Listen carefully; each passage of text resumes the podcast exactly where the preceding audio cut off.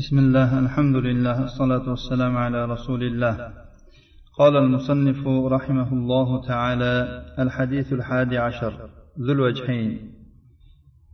مصنف رحمه الله o'n birinchi hadis ikki yuzlamachi عن أبي هريرة رضي الله عنه عن رسول الله صلى الله عليه وسلم قال وتجدون شر الناس ذا الوجهين الذي يأتي هؤلاء بوجه ويأتي هؤلاء بوجه.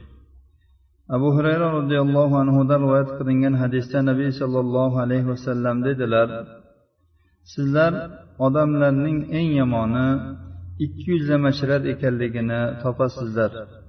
U ularga bir yuz bilan boradi bularga ham bir yuz bilan boradi. Hadisni imom buxoriy va muslim rivoyat qilganlar. O'tgan darsning davomi. Oyat kalimalar ularning sifatlarini ochiq oydin bayon qilishda davom etadi.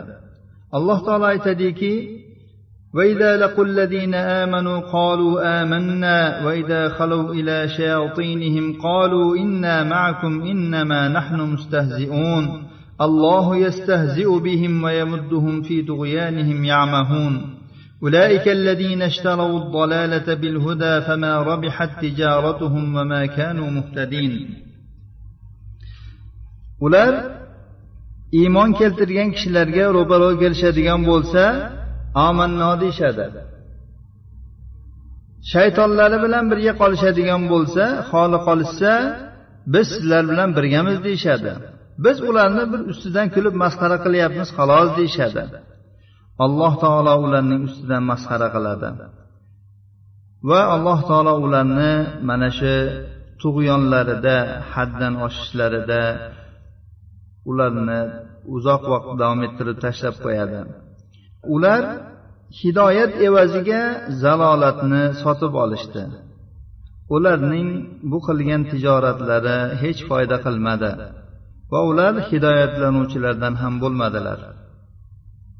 Demak bu oyatlar ularning so'zlari va harakatlarining ba'zi bir namunalarini bayon qilmoqda. Ular muslih bo'lish uchun yerda tuzatuvchi bo'lish uchun alloh taoloni kitobini ushlashmaydi balki ular yer yuzida buzg'unchilik qiladigan insonlardir. So'ngra ular mo'minlarga o'zlarini iymonli qilib ko'rsatishadi. Balki ular mo'min ekanliklariga ollohga va islomga iymon keltirgan ekanliklariga qasam ham ichishadi. Ammo ular o'zlarining zalolatga boshlovchi boshliqlari bilan va kofirlar bilan birga bo'lgan paytlarida ularga aytishadiki e qo'yaveringlar biz ularni ustidan kulyapmiz va aytayotgan gaplarimiz bilan biz ularni ustidan kulyapmiz.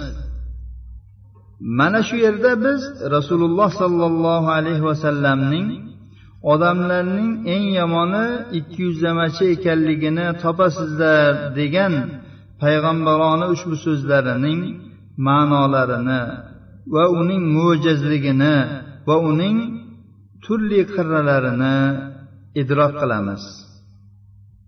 Ular haqiqatda ikki yuzlamachilardir biz turli davrlarda ko'proq ovozlarni to'plash uchun o'zini musulmon qilib ko'rsatadigan rahnamolar davlat rahbarlari va hokimlarni ko'ramiz.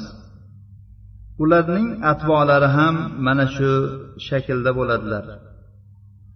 Xuddi shu oyatlarga o'xshash boshqa bir oyatlar nur surasida ham kelganki unda alloh subhanahu va taolo aytgan ويقولون آمنا بالله وبالرسول وأطعنا ثم يتولى فريق منهم من بعد ذلك وما أولئك بالمؤمنين وإذا دعوا إلى الله ورسوله ليحكم بينهم إذا فريق منهم معرضون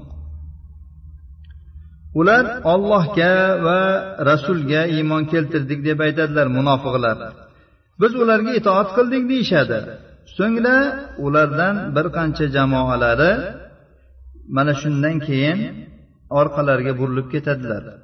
Ular mo'min emaslar. Ularni olloh va rasuliga ular o'rtasida hukm chiqarish uchun chaqiriladigan bo'lsa alloh taoloning oyatlaridagi va rasululloh sollallohu alayhi vasallamning sunnatlaridagi hukmlarga chaqiriladigan bo'lsa ulardan bir jamoasi yuz o'girib ketadilar. Demak keling o'rtamizda alloh taoloni kitobi va rasululloh sollallohu alayhi vasallamning sunnati hakam bo'lsin shunga bir borib murojaat qilaylik degan paytda yuz o'girib ketadigan bo'lsa bir inson demak u inson ana shu munofiqlar toifasidan ekan ularning yana ham ko'zga ko'ringan sifatlaridan biri هم الذين يقولون لا تنفقوا على من عند رسول الله حتى ينفضوا ular bir birlariga aytishadiki payg'ambar oldidagi kishilarga ya'ni musulmonlarga infoq qilmanglar. Ularga mol pul berib ularni hojatini chiqarmanglar. Ularga yordam bermanglar. Toki shu bilan ular payg'ambar atrofidan tarqalib tumtaraqay bo'lib ketishsin. Bu narsani och qoldirish rejasi deyiladi.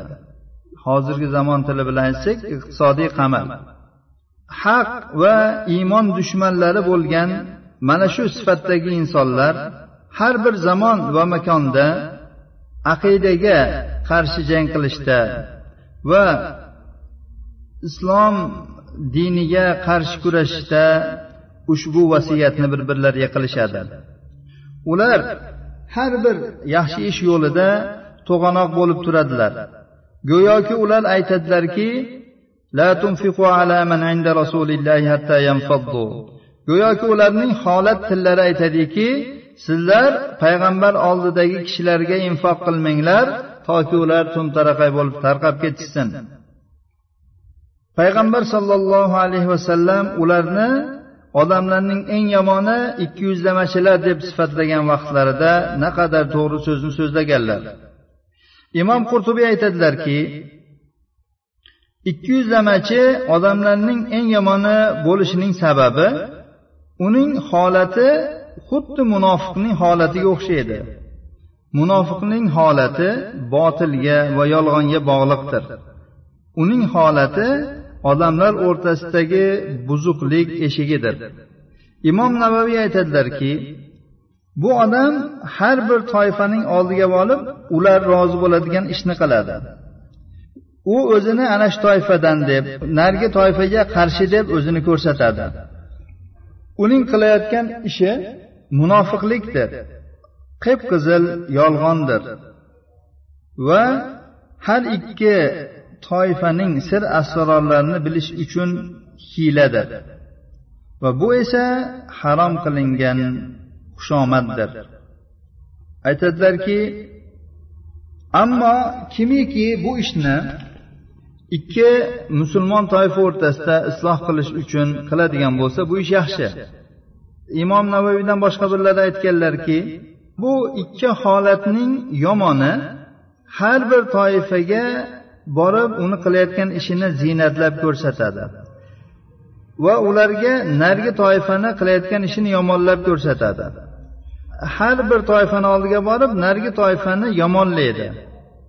Bu yomon ko'rinishidir. Yaxshi ko'rinish shuki u har bir toifaning oldiga borganda ana shu toifa haqida yaxshi so'zni gapiradi va ikkinchi toifa haqida uzr aytadi. Ularga uzr istab gapiradi. Har bir toifaga ikkinchi toifadan imkon qadar yaxshilikni olib keladi yaxshi so'zni naql qiladi va ularning yomonliklarini satr qiladi. Bu shu ikki yuzlamachilikning ikki xil ko'rinishi haqida bo'ldi. Ikki yuzlamachilik deganda doim ham ya'ni yomon bo'lmaydi ekan gohida yaxshilikni maqsad qilib ya'ni u toifaga borib ham bu toifaga borib ham bir xushomad qilib ularga bir yaxshiliklarni naql qiladigan bo'lsa ularni o'rtasini isloh qilish uchun buni bu narsa e, maqtalgan yaxshi narsa ekan. Ushbu hadisdan qanday hukmni olamiz? Ba'zi bir ulamolar aytganlarki bu hadisda aytilgan ikki yuzlamachilik yaxshilikni maqsad qilgan yaxshilik yo'lida yurgan odam haqida emas bu. Bu hadisda aytilgan ikki yuzlamachilik faqat botil yolg'on maqsadda yurgan ikki yuzlamachi haqidadir. Bu yaxshilikka bu hadisning taalluqi yo'q deganlar. Bu inson har bir toifaga borib ularning qilayotgan ishini ziynatlab ko'rsatadi. Judayam yaxshi ish qilyapsizlar deydi. Ikkinchi toifani birinchi toifa oldida yomonlaydi. Har birini bir biriga yomonlab gapiradi. Bu xushomadning hukmi haromdir. Ammo targ'ib qilingan ikki toifa o'rtasini isloh qilishlik uchun qilingan ish buning aksidir. Unda har bir toifaga borib boshqa toifa haqida yaxshi gapni gapiradi va ikkinchi toifa haqida bir uzr ma'zirat bayon qiladi va ularga faqat yaxshi gaplarni olib keladi. Ushbu hadisdan oladigan foydalarimiz. Munofiqlarning tutgan o'rinlari va ularning hiylalari uzoq muddatlik edi. Ya'ni yaqinni ko'zlab emas uzoqni ko'zlab qilishardi.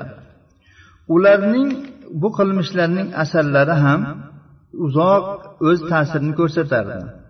Shuning uchun ham ular bilan nabiy sollallohu alayhi vasallam o'rtasidagi kurash rasululloh sollallohu alayhi vasallamning makka zodagonlari bilan qilgan kurashlariga yaqin yoki ana shu bilan teng bo'ldi. Garchi bu yerda rollar va natijalar farqli bo'lsa ham. Shuning uchun ham nabiy sollallohu alayhi vasallam musulmonlarni ulardan juda ham qattiq ogohlantirdilar. Va aytdilarki abu hurayradan rivoyat qilinadi ikki yuzlamachi odam omonatdor bo'lishi mumkin emas. Abu dovud rivoyat qilgan hadisda ammor ibn yosir aytadilarki rasululloh sollallohu alayhi vasallam dedilar kimning dunyoda ikkita yuzi bo'lgan bo'lsa ya'ni ikki yuzlamachi bo'lgan bo'lsa uning qiyomat kunida ikkita o'tdan bo'lgan tili bo'ladi dedilar. Har ikki hadisimiz sahih hadislar. Rasululloh sollallohu alayhi vasallam har bir mo'min musulmon nifoq munofiqlikka tushib qolishdan hazir bo'lishligi uchun ularning sifatlarini turli ko'rinishda bayon qilib berdilar. Demak biz ushbu darsdan xulosa qilib bizning ushbu darsdan qiladigan xulosamiz munofiqlarning sifatlarini bilib ana shu sifatlardan ana shu axloqlardan chetlanish. Boshqa birovlarni shunga o'xshagan hislatlarda ko'rib ularni ayblash emas. Alloh subhanahu va taolodan barchalarimizni munofiqlik hislatlariga tushib qolishdan va bu kabi hislatlar bilan sifatlanib qolishdan saqlashligini so'raymiz. Hada va sallallohu ala nabiyina muhammad va ala alihi va sahbihi vasallam